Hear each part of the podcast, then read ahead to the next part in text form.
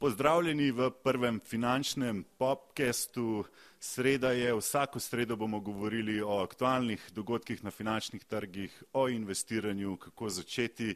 Moje ime je Adi Omerovič, lahko me vsak ponedeljek spremljate v oddaji Svet, kjer imam rubriko Finančni svet. Vsak torek me lahko tudi berete v finančnih komentarjih na 24.ur.com. Vsako sredo pa bom gostil zanimive goste na temo investiranja in moj današnji gost je izkušeni finančni analitik Nikola Malkovič iz Optim Traderja. Lep pozdrav. Živijo, zdravo. Uvodoma, da najprej predstavim, Nikola ima že več kot dvajsetletne izkušnje delavci v različnih borzno-posredniških hišah. Kolegi, ki te poznajo, pravijo, da si goat, kar pomeni eden izmed najboljših vezano na tehnične analize. Danes ne bova še tako podrobno o tehničnih analizah, bova pa razpravljala o investiranju. Pa predlagam mogoče za začetek, da se najprej dotakneva, kaj pravzaprav se na trgu dogaja. Če začneva z SMP petsto, se pravi naš osrednji indeks, ki ga spremljamo, je dosegel all time high včeraj, ne? Ja, prvo hvala za ta goat, ne, naziv, ne, mislim, da ne vem, če sem goat, ne, sem mislil, da bo, da bo že bolj na teniško stran šlo, ampak pustimo to, ne, to je stvar debate. Ja, v bistvu SMP petsto, merjen v evrih, ne, je dosegel včeraj nov zgodovinski vrh. Pomembno je, da govorimo o evrih, zato ker pač mi slovenski vlagatelji pač investiramo v ZDA, naši donosi se merijo v evrih, ne, in glede na to, da je dolar včeraj dosegel proti košarici valut novo šestmesečni nov, šestmesečni vrh, je to za nas dobro oziroma za tiste, ki investirajo v ameriške delnice. Pravzaprav tisti, ki ne veste, hočemo povedati, da zgodovinsko visoko smo trenutno v gospodarstvu. Ja, najvišje, najvišje, Najvišje ne, v gospodarstvu ne, na delnicah. Na, na delnicah, ja. tako. Ameriških. V ponedeljek je bila borza zaprta, imeli so Labor day, pri njih je to četrti september, pri nas je to prvi in drugi maj. Sicer pa je borza, uvodoma še to povem, odprta od ponedeljka do petka, od pol štirih pa do desetih zvečer po našem času. Seveda ta ura se malo zamakne takrat, ko ure prestavljamo, ampak takrat lahko trgujemo, ne. V bistvu to je uradno trgovanje, ne, drugače se da trgovati tudi prej in kasneje, pač manjša likvidnost, ampak ja, uradno trgovanje pa pol štirih po našem času do desetih zvečer, govorimo pa seveda za ameriški delniški trg, ne. Okej, mogoče dajva izpostaviti neke zanimive premike za začetek. Nafta, rekla sva, jaz sem že v oddaji v ponedeljek izpostavil, da od junija naprej raste tridesetodstotni skok, smo videli pri nafti, in zdaj se približuje devetdesetim dolarjem. Ja, v bistvu zahodno zahodnoteksaška nafta še nekje sedeminosemdeset dolarjev na sod, medtem ko je brent nafta je že devetdeset dolarjev. In zato s tem posledično tudi delajo dobro delnice energetskih podjetij, ne, predvsem včerajšnja novica je bila, da je Savdska Arabija sporočila, da bo še do konca leta se držala tega zmanjševanja črpanja sodov za milijon sodov na dan in to je pozitivno vplivalo, seveda, ker to pomeni manjšo ponudbo na trgu, ne. Tako da ja, zagotovo višje cene nafte ne bojo dobro vplivale tudi na potencial inflacije v prihodnosti, ne.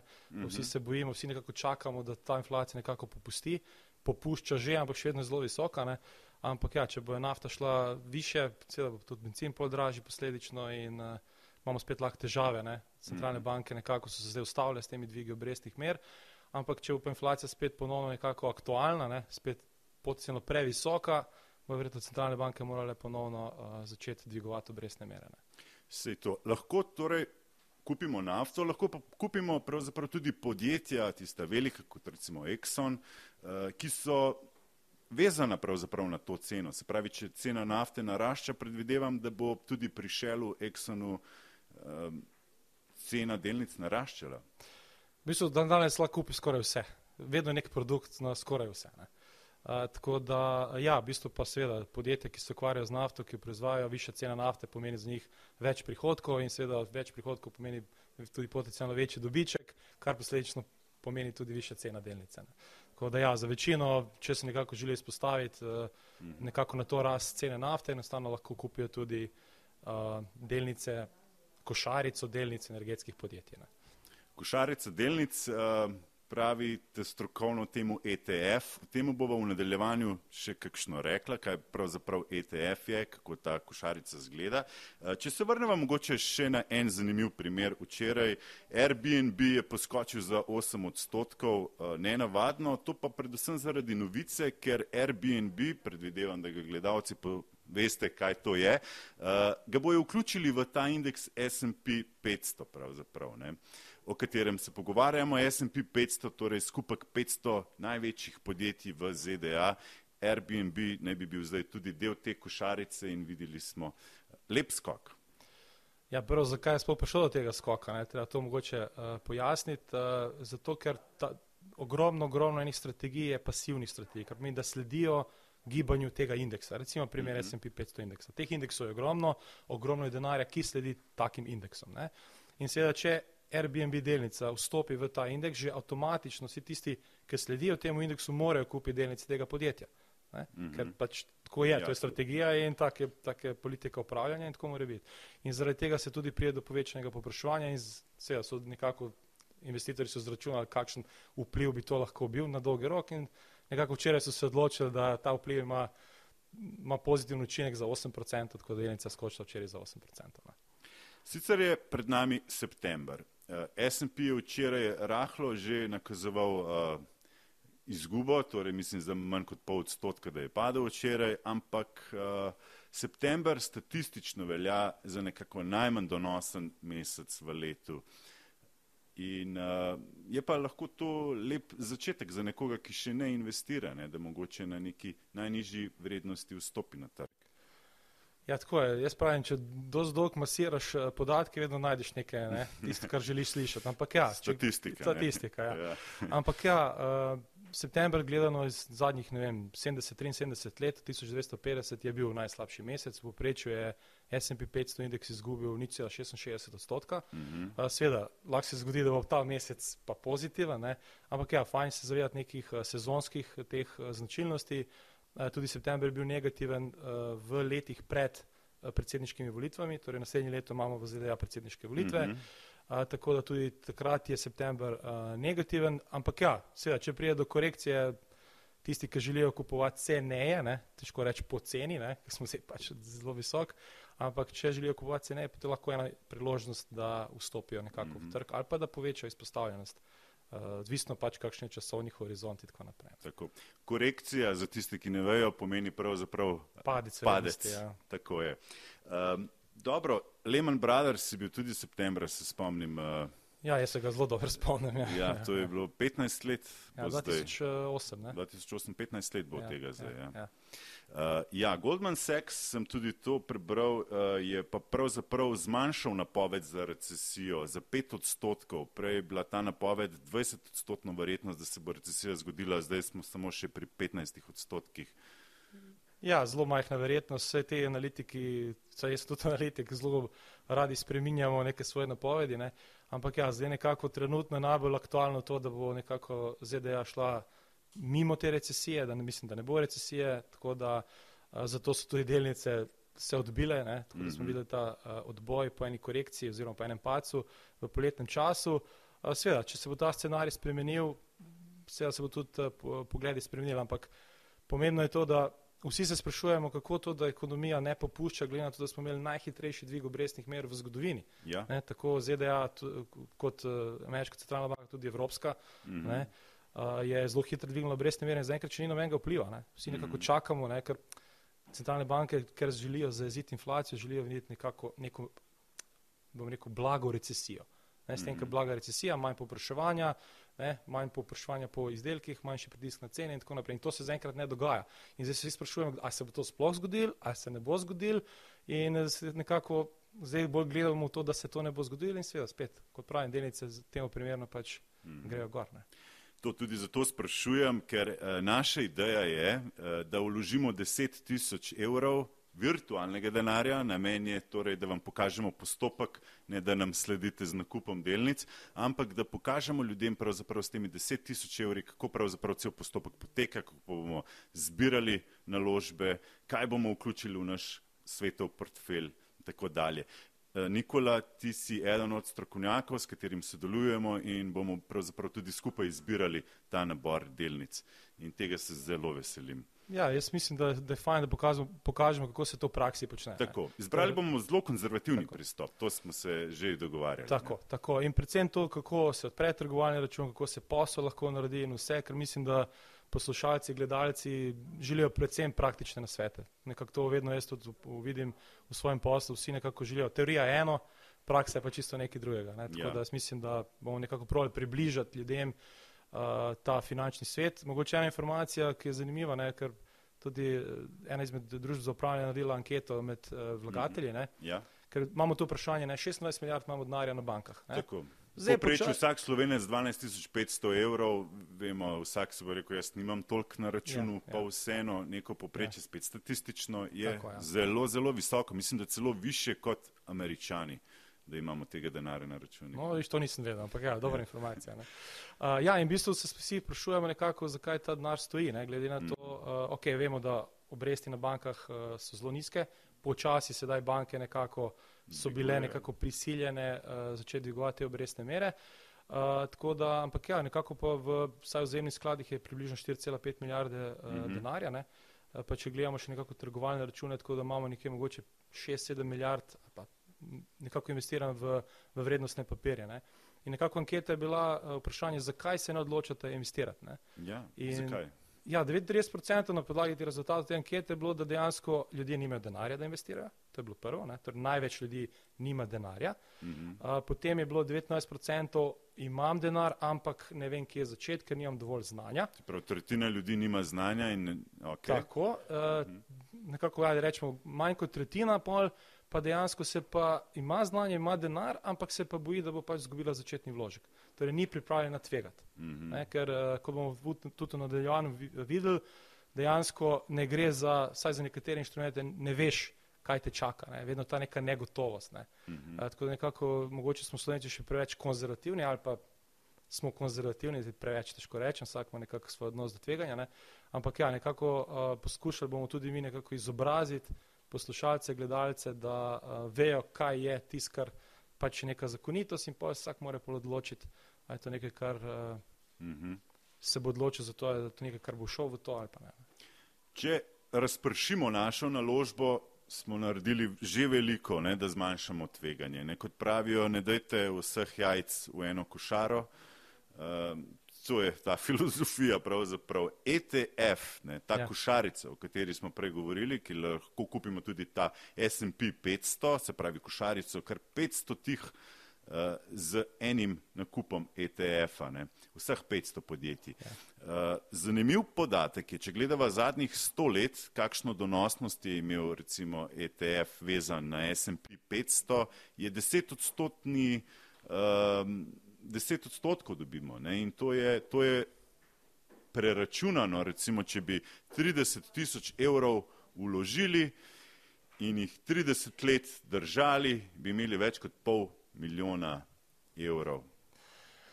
To se zelo lepo sliši, Adi. To si zelo tako hitro povedal, da uh, bi vsak rekel, ok, dajmo ta denar noter, 30 let pozad na njega in bom imel pol milijona. Ne? Ampak uh, ni tako enostavno. Seveda ni ja. enostavno. Uh, treba se pač zavedati, da postajajo različne vrste naložb. Zdaj, kar si povedal, gre za delnice. Ne. Tudi ETF-ji niso obstajali, tudi ko govorimo še o nek, neki donosi glede na indeks. Uh mhm. -huh. Ampak tle, po moje, prvo, da se sploh zavedamo, kakšne vrste naložb obstajajo, da vejo ljudje sploh v kaj lahko investirajo. Ne. Tako da klasično je denar, ne. to je najbolj znano. To je to, to kar imamo mi, 26 milijard na računih. Tako, tako. Ja, tako. To poznamo, tako, res to dobro poznamo. poznamo. Ni veliko filozofije. Um, Pač ja, zdaj smo imeli neko obdobje uh, negativnih obrestnih mer, nizkih obrestnih mer, to sedaj nekako se uh, zvišuje, tako da nekaj denarja se da sedaj zaslužiti ali z vezavo ali z različnimi finančnimi inštrumenti. Potem pa nekako naslednji naložbeni razred so obveznice. -hmm. uh, to je mogoče za nekoga, kaj to obveznica je. V bistvu gre za enostavno to, da jaz posodim tebi denar, uh, ne, zato ker jaz tebi posodim, dobim nekaj, nekaj obresti, ti pa meni pač zagotoviš, da boš dal meni ta denar nazaj po določenem času. Mm -hmm. ne, to je to mm -hmm. obveznica. Imamo obveznice izdajajo podjetja, država, v bistvu ti kreditiraš ali državo ali podjetje. Tako. To je tudi relativno uh, varna, varnejša naložba kot mm -hmm. delnice, bolj tvegana kot denar. uh, seveda, ker lahko ne, vem, država propade, smo že to videli v zgodovini, lahko kakšno podjetje propade in tako naprej. Ampak pri vseh teh, pri teh dveh naložbenih razredih je pomembno to, da ti približno veš, koliko boš dobil. Ti približno veš. Ne? Če jaz te vadi posodim denar, pa rečem, le jaz ti ga bom posodil za dve leti, ne? zato želim 4%, ali pa dobro, ali malo več, ne? ker mogoče si ti malo bolj tvegam, ne? Ja. 6%, ne? uh, karikiram, ne, seveda. Uh, 6% in jaz točno vem, da bom, če ti posodim, ne vem, govorim 10 tisoč evrov, jaz vem, da bom dobil tok in tok. Šest 600, 6% na 10 tisoč in to je to. Ne? Torej 600 evrov jaz dobim na vsako leto. Če za dve leti posodim denar, prvo leto 600, drugo leto 600 in še ti meni vrneš nazaj 10 tisoč. Ja. Tako da jaz zaslužim lepo 1200 na- v dveh letih. Tako. In to se nekako vsi to nekako razumemo. Ne? Ja, Po pa pridemo do delnic. Ne? tako. Ne? Pri delnicah je pa v bistvu ne vemo, kaj lahko pričakujemo. Ne? Mislim, vemo, kaj lahko pričakujemo, se, se upravičujem. ne. Vemo, kaj lahko glede na zgodovinske podatke, ampak to ni zagotovljeno. To ni Tako. zagotovljeno. Nič v zgodi, finančnem svetu ni zagotovljeno. eh, razen zato- da, da moramo davke plačevati. ne. Razen to, ne? davki in smrt, to je zelo gotovo. Ja, ja, ampak ja, v bistvu ta problem pri ljudeh je, ker nič ni zagotovljenega. ne. Ko, če- ko je kaj zagotovljenega, potem nekako znamo razmišljati, ko pa ni, potem pa imamo to težavo, ne. ker je nekaj negotovega, ne vemo, lahko seveda tudi izgubimo, ne, lahko izgubimo 50%, lahko tudi konc konc izgubimo vse, odvisno pač v kaj investiramo. Ampak ja, tako pri delnicah, da dobiš teh 10% po prečju, ne v zadnjih, če gledamo statistiko v zadnjih stotih letih, moraš sprejemati ogromno enega tveganja. Ne? Seveda, delnice so zelo nihajne, videli smo pace tudi v finančni krizi za 50 in več procentov, tudi na indeksih, ne? Tako, tudi v največjih teh najbolj varnih naložbah. Ne? Jaz se spomnim, da je Apple bil, včasih bil vreden uh, manj, kot je pa imel denarja na bilanci. To je bilo, takrat je to bilo noro. Ne? Uh, ampak ja, in se treba zavedati, in, uh, da ti dobiš teh 10%, boš moral sprejeti neko tveganje. Ko v finančnem svetu vedno nekako gledamo razmerje nagrada in tveganje. Več tvegaš, potencialno več želiš dobiti. Tako. Manj tvegaš, manj boš dobil. Uh, zato jaz mislim, da ja, sliši se super, ampak ravno ta problem pri večini je, da se ne zaveda, kaj vse moreš uh, dati čez, eni pace in vse, kar, vse super, ker spet v razpredelnicah vse to lepo se, se, se vidi. Mm -hmm. Jaz ti bom dal tele Excel, ti bom pokazal, rekel, adi, lej, tle bodi, 30 let investiraj, ampak po, prvi, po štirih letih boš pa ti videl, da ti je, ali pa ne vem, po desetih letih, da ti je portfelj padel za 50%. Mm -hmm. Pa boš ti še rekel, Nikola, kaj je zdaj to? Ne? Mm -hmm. Sem rekel, lej, tako pač je investiranje. Ne? In uh, to je Pusti tisto, kar... 10-20 let noter. Recimo, ne? Tako, ampak ja. saj zavedaš se, da pač delnice so kot inštrument, če na podlagi raz, donosnosti z, v preteklosti, ne, so Tako. dolgoročni inštrument, oziroma inštrument za Ravno dolgoročno investiranje. No, mislim, da smo v ponedeljek v oddaji pokazali meto, ne, se pravi Facebook, Instagram, WhatsApp. Uh, padec za 75 75 odstotni padec uh, v manj kot enem letu. Ne. Ja. In, zelo si eh, pa lepo pokazal to, da kje bi bilo dobro fajn kupiti, pa kje bi bilo fajn prodati. Vse do realnosti ni tako enostavno. Tako. Ampak ja, so pa pač, eh, kot si povedal, če določene delnice padejo, pa so recimo dobre, to lahko predstavlja uh, priložnost za tiste, ki kupujejo radi ceneje ali pa poceni. Ampak je pa veliko trgovalnih strategij, investicijskih strategij, tako da pač ena izmed takšnih, da kupuješ poceni. To je ena, sa, samo ena izmed takih. Ne. Ampak Ja. ja. Kot si že povedal, bomo mi pravili iskati takšna podjetja, ki mislimo, da so že poceni in so tudi zanimivo za nakup. Ne. Gledali bomo fundament, ne, tako se Tako. temu reče. Torej, Ja, fundament je v bistvu, kako Bilančna podjetje- slika, krvna slika podjetja. Ne, Tako, ja. tako, kako, Warren Buffett posluje. pravi, ne, da on lahko v bistvu v, v mislim, da 30 sekundah prečekira in že ve, ali je to v redu ali ni. Ne, seveda se- ne, ne, da se odloči v 30 sekundah, ampak samo ali gre korak naprej. Ne. Potem imaš pa korak naprej, greš v 10K poročila, ja. si prebereš bolj podrobno vse. Ampak Warren Buffett je več koliko časa že investira na trgih. Mislim, da od. 80 let že. V, točno, on je že med drugo svetovno vojno, mislim, da kupil. Prva delnica mislim, da je kupil pri delnice. 11 letih. Tako 11 ali nekje. 13 letih. To mi ni jasno, kako Ja. je lahko mladoleten kupil delnico, ampak ok.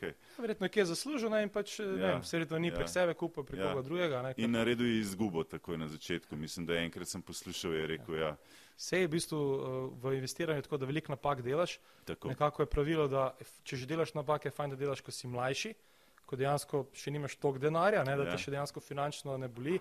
Teže je mogoče, ko si enkrat, ne vem, 40, 45, 50, pa potencialno imaš družino, pa veliko enih finančnih obveznosti, takrat ni fajn delati napake, ne. Ja. ampak je pa tako, da na napakah se največ naučimo. Ne. Tako da Tako. jaz tebi lahko nekaj povem, ne, ampak dokler ti ne boš to začutil na svoji lastni koži, ne boš isto, ne boš isto odreagiral. Ne. Tako Ja. Da, zato je pa fajn, da tudi če, če se že želimo spoznati s tem trgom, je, začnimo z malimi zneski. Mhm. Dan danes so provizije pri uh, posrednikih tako padle, Tako, da dejansko lahko res z majhnimi zneski začnemo. tako. In uh, tudi, ko je, bila, ko je bila COVID kriza, ne, smo videli res en razmah teh, uh, uh, v bistvu razmah trgovanja. Ne, ker, ko, ko se vse ostalo, ni bilo športnih stav, ni bilo tega, se ne pravim, da to povezava, Ja, ampak ja, ljudje so ja. rabili nek, nekaj, da se, čim, da se ne vem, zamotijo čas in pač so šli na borzo. Ne. Mm. Veliko je bilo seveda nekih dobrih zgodbic, ampak tudi slabih zgodbic, ker so Mhm. mladi videli, da, ni, da ne gre vse samo gor. Tako, Ne, se, tako. seveda, kasneje se je tudi pol sesul, ampak fajn je pa, da se je približal ta uh, finančni svet tudi mladim. Ne, seveda, ne Tako. samo preko tega, tudi preko kripta. Kripto je res en tak naložbeni razred, kot smo zdaj povedali, tri.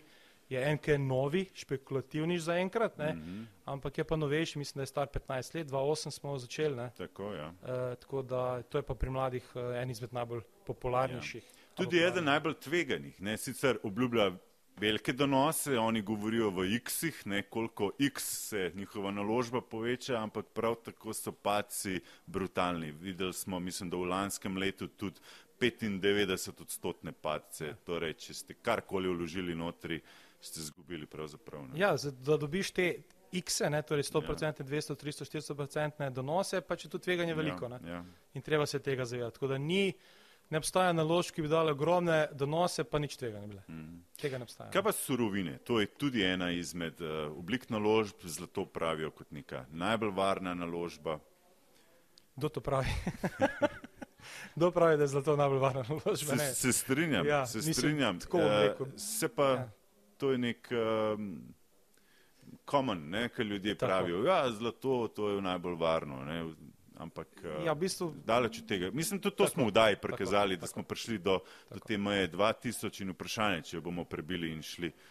ja, v bistvu vsaka naložba ima neko svoje tveganje. Ne. Zato Mm. zaenkrat v dolarjih uh, je blizu uh, zgodovinskim vrhovom. V bistvu smo videli, da smo šli že čez 2000. Ja, Dolarjev na 2100 unču, ja, mislim, da je tako. bila najvišja. Ja. Tako, uh, glede na vse, kar smo videli v svetu, bi pričakoval, da bo zlato vem, na 5000, glede na projekcije. Ne. Ja, ja. Ampak žal se to ne dogaja. Zdaj, mislim, da nimamo časa, da bomo debatirali, zakaj temu tako, mogoče kdaj drugič. Mogoče. Uh, Ne? ampak ja, v bistvu zato je tudi en izmed naložbenih razredov. Kakorkoli tudi Bitcoin, uh, uh, tudi ostale surovine so naložbeni razred. Zdaj, investiranje v surovine je tudi postalo enostavnejše uh, preko teh finančnih uh, produktov, kot so recimo ETF-i, ko so skladi, ki trgujejo na borzi. Mhm. Uh, tako da- Košarica spet, ne? te da spet tako poudarimo, da- košarica. Uh, tako da ja, ampak uh, kot pravim, v bistvu dan danes, če imaš nek pogled na nekaj, ne, Mhm. v bistvu lahko nekako postaviš to stavo na nekem produktu, skoraj danes na vse, kar obstaja. Ne. Mhm. Tako da, uh, ja, surovine so tudi en izmed naložbenih razredov, pa nekako nepremičninski trg je tudi zelo pomemben, ne, v Sloveniji mislim, da skoraj najpomembnejši. Ne. Uh, ampak eh, tle seveda govorimo o nakupih stanovanj oziroma uh, hiš in tako naprej. Uh, Medtem ko pa tudi uh, ta naložbeni razred uh, se lahko tudi investira preko delnic, ne, ker imamo tudi nepremičninske sklade, ki seveda investirajo, oddajajo potem nepremičnine in tako naprej in potencialno lahko pr- preko nepremičninskih skladov, ampak to so spet drugačne zakonitosti. Mhm. Ne, eno je, ko ti trguješ to, z- mislim, z nestanovanje hišo ali pa ne vem, ka, ne nek kompleks, ne, drugo je pa ti, ko investiraš v ta podjetja, ki dobivajo neke prirasti zaradi ne vem, oddajanja teh stavb in tako naprej. Ne, tako da, Okay. ogromno je tega, ogromno je tega. Uh, da se vrnem k tisti statistiki, 40 odstotkov ljudi je reklo, da nima denarja za investiranje. Uh, mogoče to, da najprej izpostavimo, ne? To, to, to sem tudi v daji v ponedeljek razlagal, ne? ta potrošniška miselnost in miselnost ne, vlagatelja. Tle moramo tudi en velik preskok narediti. ne. In seveda najbolj neumno je, če si sposodimo denar, da bi investirali. Prvo je torej, da nekaj prišparamo in potem ta denar oplemenitimo. Tako, v bistvu govorimo o varčevanju in investiranju. Prvo je varčevanje. To je osnova, ker če, če ti ne privrčuješ, tudi investirati ne moreš. Tako, To je osnova. Ne. tako. Tako da varčevanje je v bistvu to, da ti dejansko eh, zaslužiš več, kot pa porabiš. To je osnova. tako. Ne, to je nekaj pride noter, nekaj gre ven, tisto, kar ostane, pa sedaj lahko se pa potem odločiš investirati v ali pa vlagati v določene te naložbene razrede, kot smo rekli. Torej, bolj konzervativni bo ta presežek imel v denarju, na banki, dostali bo rekel, jaz sem malo bolj nagnjen tveganju, bom dal v veznice, potem spet tretji bo rekel, jaz bom pa v delnice vlagal, potem spet v kripto in tako naprej. In tako naprej. Tako da, ampak osnova še vedno so prihodki. Torej, ali je to plača, ali je to pač karkoli, ali je to ne vem, podjetje, ki imate, pa dobivate neke ugodnosti ja. iz podjetja, pač ogromno teh, ampak prvo je, da mi privrčujemo denar potem je pa tista zgodba o investiranju. To, to je zelo pomembno, ja. da ga privrčujemo. Dovolj je 50 evrov na mesec, če bi že privrčevali. Ne? Govorimo o tistem res mogoče osnovnem začetku, ampak da se saj vključimo v to igro. Ne? Danes smo v bistvu tej globalizaciji nam omogoča, da lahko stopamo tudi na ameriške trge, kupujemo ameriške delnice. Pravzaprav nismo vezani samo na slovenski, nismo vezani samo na domači trg, ampak tle je se mi zdi neka priložnost, ki, ki jo treba mogoče zagrabiti, dolgoročno seveda. Ja, v bistvu tako. Ne. Finance so pa to investiranje zelo, zelo, zelo subjektivna zadeva. Je, jaz, jaz ne vem, kakšno imaš ti uh, zgodovino. Lahko da imaš ti nek pogled, ki so tega starši dali, pa ne vem, kolegi, mm -hmm. ker pač nisi, si zelo konzervativen, ne verjamem, si imaš kakšno slabo izkušnjo. Mm -hmm. uh, tako da, ja, mi lahko govorimo o nekih smernicah, ampak na koncu vsak posameznik ima neko svojo zgodbo, nek svoja prepričanja. Uh, v bistvu, če bi zdaj tle sedel nekdo, ki reče, Bitcoin gre na 100 tisoč, je super. Nekdo, ko bi rekel, gre na nič, super. Vsak ima svoj pogled tako. in vsak bo investiral svoj denar na svoj način. Mm -hmm. Noben ga ne sili v to. Ne? so pa določene zakonitosti, ki, uh, ki so pomembne za vsak ta naložbeni razred. Ne. Je pa res, da kot pravim, treba se izobraziti, treba vedeti, v kaj greš. Naj, najslabše, da ti jaz rečem, ne vem, uh, Adi kupi meto ne, na 77, pa gre ja super, če gre na 300. Ne, Lahko gre pa tudi na 50. Ne. Tako. In ja. potem rečeš, kaj se mi zdaj to. Uh, ja. uh, uh, Zgubil sem 20 odstotkov in v paniki prodaš in si naredil še slabše. Ne? In potem, ko gledaš, kako gre gor, ja. si rečeš, kaj nisem počakal. Ne? V bistvu investiranje je 8% psihologija, Čustva, 20% tako. je pa neko znanje. 8% je psihologija, ker denar bo iz tebe zvlekel od najboljšega do najslabšega. ja. Ne, res, to je, res je ja. od tega občutka, da kaj zamujaš, da ne, nekdo služi zavisne, da nekdo služi več kot ti. Mm. Zelo težko je dan danes uh, se čisi sklopiti, ker smo tukaj povezani vsi prek teh socialnih aplikacij in tako naprej. Ja. In seveda so tukaj YouTube, razni kanali, ker da danes je ogromno informacij, kar je super. Super je, ker jaz v mojem času tega ni bilo še to. Mm -hmm. ne, ampak te mladi danes imajo, mlajše generacije imajo ogromno uh, virov, informacij, seveda spet treba paziti, ker viri so pravilni, Tako. ampak dan danes je prije do informacij zelo enostavno. To, da ti nekdo reče, ja, nimam časa, pa ne vem, kje začeti, to težko rečem, da je to razlog, da ni. Da ni. Če imaš ti dovolj veliko željo, dan danes greš na YouTube in dejansko v do, določenem času lahko postaneš, ja. Ne bom rekel strokovnjak. Je pa res veliko informacij, veliko je tudi šrota ne, na, na vseh teh uh, socialnih omrežjih in, in tle mora biti pa ljudje ekstra previdni, Tako. ker ogromno ljudi se je opeklo, Tako. mislili, da bojo na hitro čez noč zaslužili. Tako. Tega, tega ni. Tega, in tudi, zato so osnove. In tudi na robe, ja. tudi če se vam res. Uh, Ja, po sreči ja. in, in naredite en velik donos, ne, to dolgoročno boste pa spet padali, ne, ker, ker ni zdrav temelj. Ne, in tle hočemo zdrave temelje postaviti, tako, tako. da bojo ljudje razumeli. Mogoče malo bolj konzervativno, da jim tako rečemo. Dajmo začeti konzervativno, ja. potem mogoče kasneje pridemo. Umijo, ja. pa tako bojo pa še, še druge možnosti tako, ja. videli. Ja. Um, ok, mislim, da sva kar uh, lepo začela. Mogoče, uh, če začneva, torej osnove sva tudi, najpogostejše naložbe sva tudi izpostavila, ja, ta raven tveganja, mislim, da so tudi teva mogoče orodja, ne? to sva, katero brezplačno orodje uporabljati, da pridemo do nekih informacij.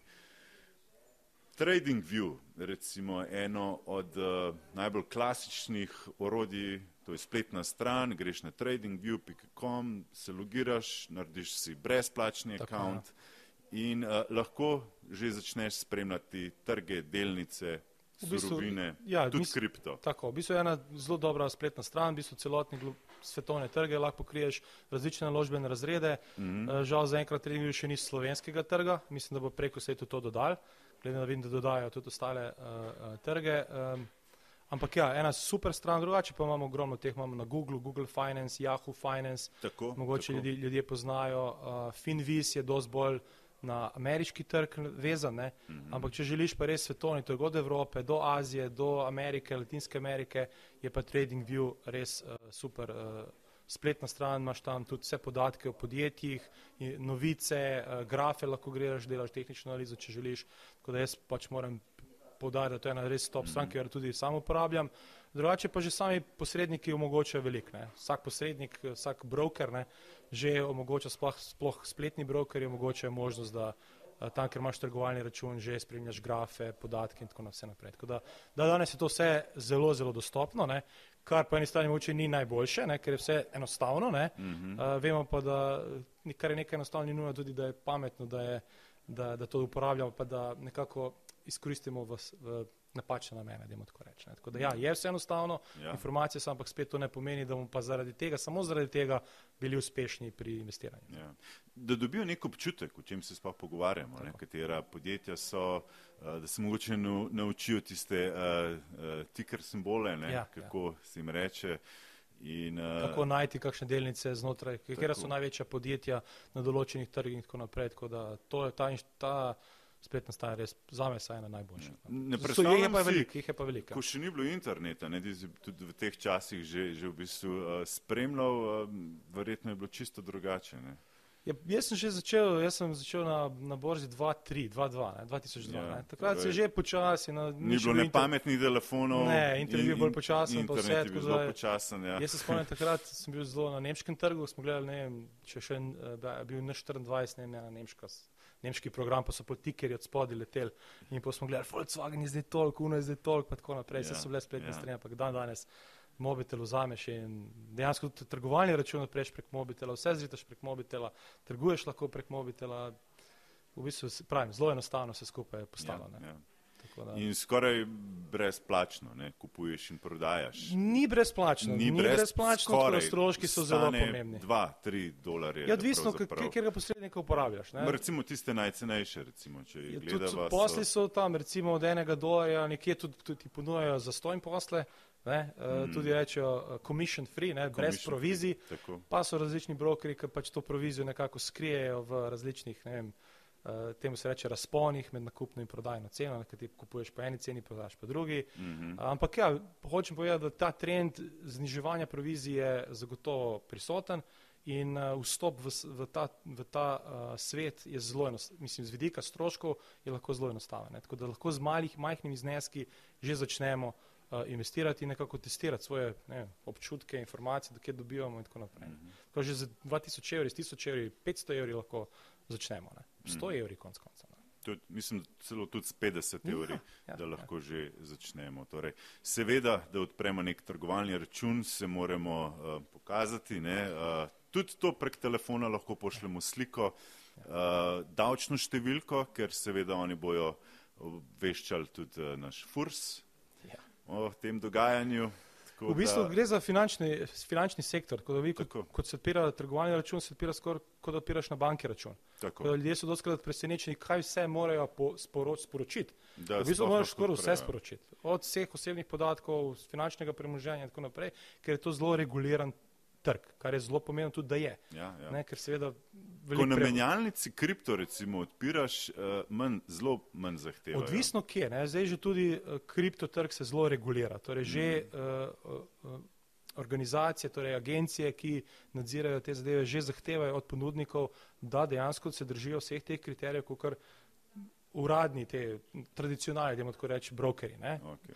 A, tako da, razen če greš kam kakšne ne, Kitajce, Koreja, pa tudi že tam se že eh, vidi, da, se, da so zahteve že precej večje. Ni sam daš e-mail in uh, geslo in, In eh, si noter in si že noter in že accountu, kam ja. nakazujem vse te kripto. Ja. uh, Tudi to za, za tiste, ki so čisto na novo, uh, deluje tako, da ti svojega bančnega računa prenakažeš neko vsoto denarja, ki se odločiš na tisti trgovalni račun in potem začneš. Ni to vezano s tvojim bančnim računom, noben ti ne bo šel jemati denar iz bančnega računa, torej ločeni akonti povsem. Ja, bi se tle Ker sem pravim. tudi ta vprašanja dobil, no, pa se mi je zdelo pomembno, da izpostavim. Ja, večinoma je tako, da uh, tradicionalni brokeri zahtevajo, da nakazuješ iz, eh, iz banke. Ne? Mhm. Uh, so tu nekateri brokeri, ki tudi omogočajo nakazila prek kreditnih kartic, ne, to, ampak na koncu moraš odpreti račun, mora biti vse na tebe, tudi glede preprečevanja pranja denarja ne more nekdo drug nakazati na, na tvoj račun, mora ja. vedno priti iz tvojega računa, bančnega ali katerega koli že kreditnega recimo na tvoj trgovalni račun.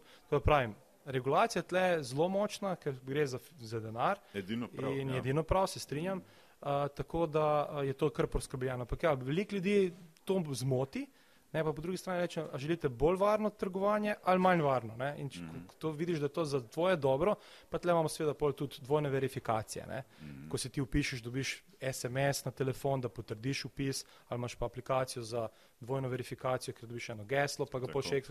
Velike teh enih, um, bi rekel, safety faktorjev, tako, ne, kar je zelo pomembno. Kar je zelo dobro. Ne, ja. Kar je zelo ja, pomembno ja. in to je samo za dobro, na, za dobro tako, investitorja. Tako, tako.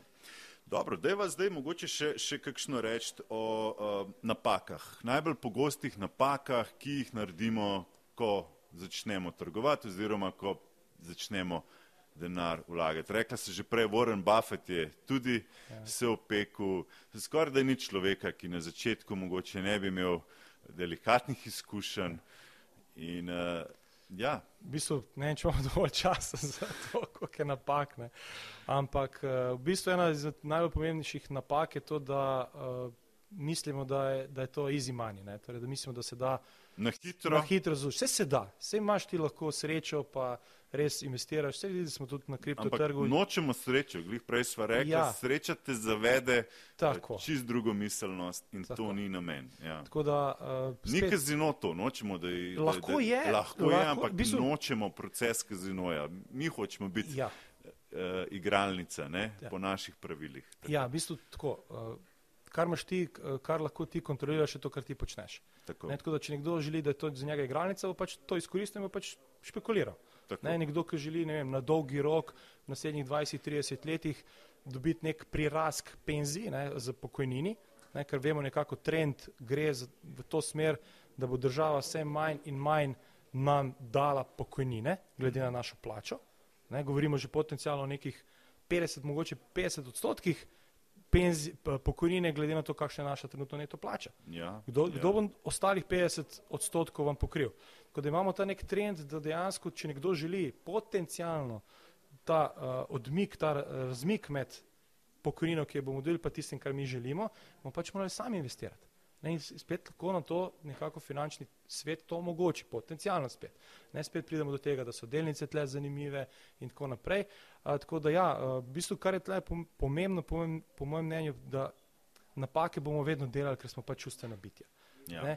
A, so pa določene zadeve, ki lahko nekako ta čustva z, zelo, zelo zminimaliziramo. Tako. A, recimo tako, da nekdo, ki investira recimo na dolgi rok. Recimo jaz želim investirati, ne vem, ali za otroka, za, ko se rodi otrok, 18 let želim za njega vsak mesec investirati določen znesek in rečem, ok, jaz vem, da teh, tega zneska 18 let ne rabim, ker ko bo otrok star 18 let, bom s tem denarjem, ne vem, ali omogočil, ne vem, potovanje, ne vem, študij v tujini, karkoli, nek, ne vem, stanovanje mogoče mm -hmm. uh, se mu kupe, kakorkoli že, karkoli pač je. Ne.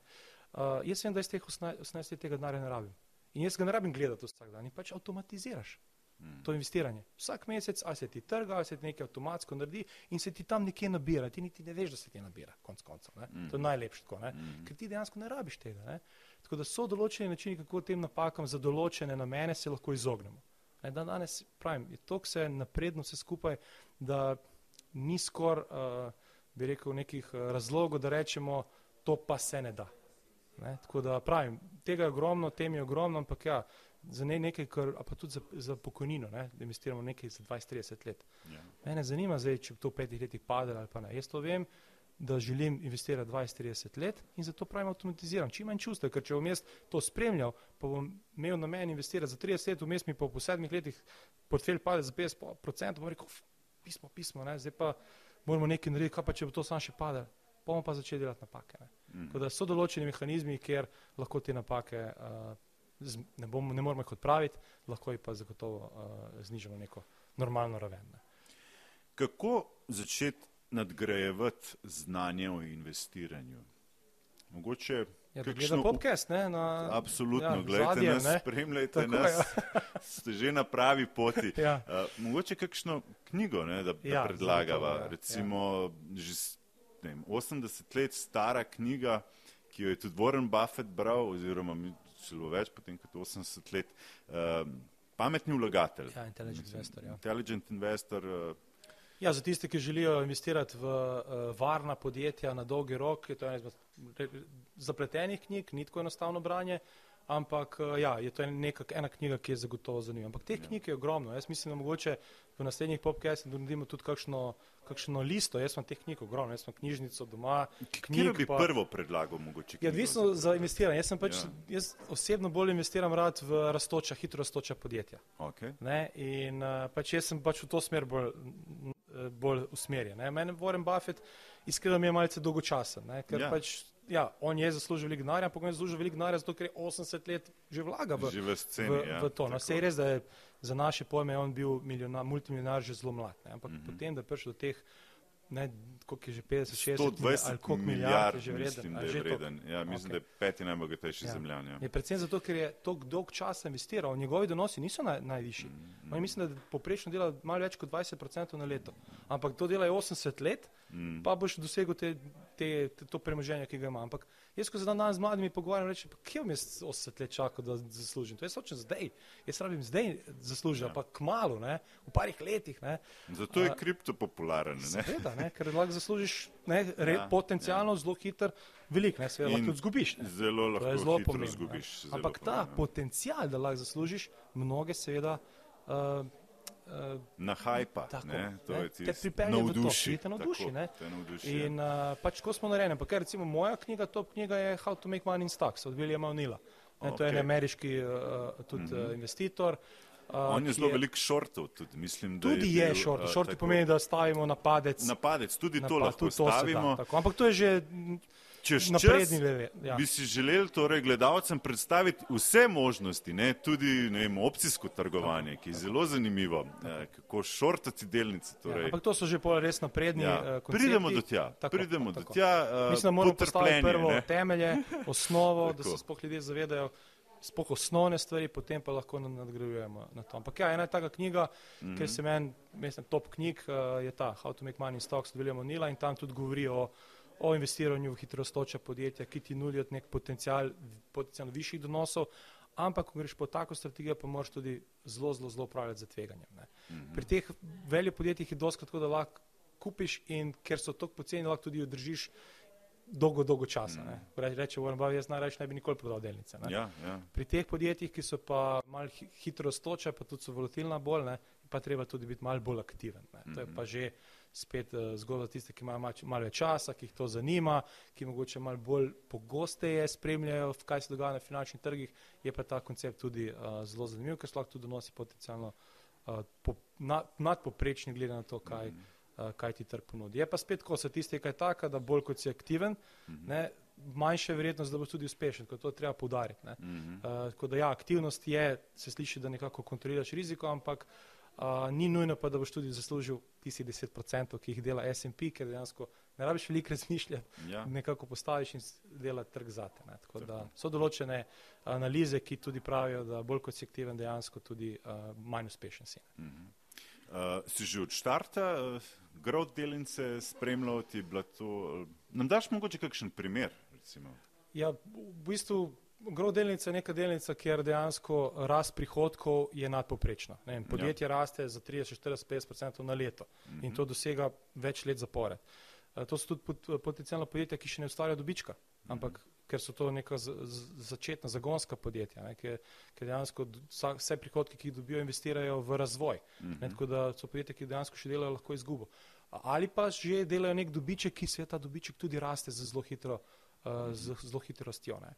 In uh, to so takrat, ko je, bil, ko je bila pandemija, v bistvu leta 2020 je res tako ekstremno leto, ne, ker so taka podjetja res beležila ekstremne, ekstremne rasti prihodkov, predvsem tista, ki so bila vezana na delo doma, ne, ali ne vem, Peloton, ki si imel kolo doma, pa raz- recimo razne, razne Amazon, ko smo si kupovali prek, Ama- mislim, smo Ja. veliko kupovali prek spletnih trgovin. Uh, tako in ta podjetja so res beležila, a pa Netflix, ne, ne, Disney takrat tudi, uh, čeprav Disney je bil malo bolj vezan tudi na parke. Nvidia, da ne pozabi, Nvidia, da recimo, ne. Zgodba tega Tudi leta, to je bila zgodba, recimo, ko, ko, je, ko je bila kriptomanija, ne, so, mm. smo, so vsi rabili grafične kartice, da so rudarili uh, mm. uh, kripto ne, in uh, žetone in tako naprej in je bilo popraševanje. Ko ta podjetja začnejo beležiti take hude rasti, potem nekako stopiš, probaš vstopiti v ta vlak. Tako da moja strategija v bistvu ni kupuj po ceni, ne, mm. za, za razliko tega, ko probaš malo biti konzervativen, pa iščeš neke pocenitve. Jaz v bistvu nekako kupujem drago, pa upam, da bo še dražje. -hmm. Nekako ta koncept. No, pravim, vsak ima svoj koncept, vsak se more, more najti v tej neki strategiji, ki je v redu s tem, ker na koncu, kar najbolj pomembno je, da na koncu mirno spiš. To, to, da imaš take investicije, najbolj. da ti mirno spiš. Tako, tako, Zato imaš 16 milijard na bančni računi. Vrš čas ja. telefona je šlo ja. za procent gor, za procent ja. dol, ampak da se pravilno odločiš. Tako s tistim tveganjem, ki ga sam sprejmeš. Tako, tako. Pa še eno pravilo se mi zdi, kot, kot sem poslušal te uh, velike vlagatelje, njihove nasvete, vsi izpostavljajo, da nikoli ne zapusti trga, ne? vedno bodi upet v to, da ne narediš take napake, da se ti zagravža po domače povedano in rečeš, ok, to ni zame, grem stran. To je pravzaprav napačno. Zato bi rad tudi mogoče malo bolj konzervativno začel, da da ljudje dobijo občutek, občutek ja, čem se pravzaprav. V bistvu, ko imaš enkrat slabo izkušnjo, se ti ta trg pač zameri in rečeš, nikoli več ne grem na ta trg. Pač v Sloveniji smo imeli veliko takih primerov, še za nazaj, ja, če gledamo ja. balkanske delnice. In se ne? to poznaš danes ja, ja, v tej ja. statistiki, ja. da, da imamo denar rajše v nogavicah. Ja, ker tam ne, mo tam ne moreš v nogavicah zgubiti. To so tisoč uh, si krit z vidika uh, strani bank, ne? so tisoč evrov, uh, se jaz spet bom rekel, jaz so tisoč evrov sploh nimam nima veze, važ, da do 100 tisoč evrov si zavarovan, kako se tveganje minimizira. Ne. Mm. Ampak ja, ena taka slaba izkušnja, ne, tudi z delnicami nove uh, KBM, ne takrat, Tako, vrst, Maribor, stali ljudje. Ja, in so pač na koncu to vse propadali. Uh, pa tem, bosanski delnice. Ja, pravim, balkanske delnice so takrat bile, to, to je ja. bil naš čas tudi, mm. uh, potem se je tudi kripto, ne, ker moramo se vedeti, da ogromno ljudi je prišlo v kripto, ko je kripto že bil na re, re, ja, visokih ja, nivojih. Ja, ja. In uh, spet so se opekli in rekli, to ni za me, to je vse, to je vse skupaj na tek, to je vse skupaj kazino mm. in tako naprej. Tako da odvisno zapravim, vsak, vsak posameznik ima svoje izkušnje in je zato zelo subjektivna, uh, subjektivna uh, tema, recimo to, uh, ta finančni svet. Tako. Veliko se bova še pogovarjala, imam še ogromno vprašanj. Najn čas se je za danes iztekel, tako hitro se mi zdi, da je tri minute trajalo, ne? ampak je skoraj že eno uro. Um, tako da, Nikola, hvala lepa. Uh, moj gost boš čez 14 dni ponovno, bova naprej debatirala. Do takrat nas pa spremljajte vsak ponedeljek v Daji svet, našo rubriko um, Finančni svet, prav tako nas berite na 24.com in spremljajte naše sredine popkeste o investiranju. Zaenkrat pa, Nikola, hvala lepa, ker si bil moj gost. Hvala za pobila.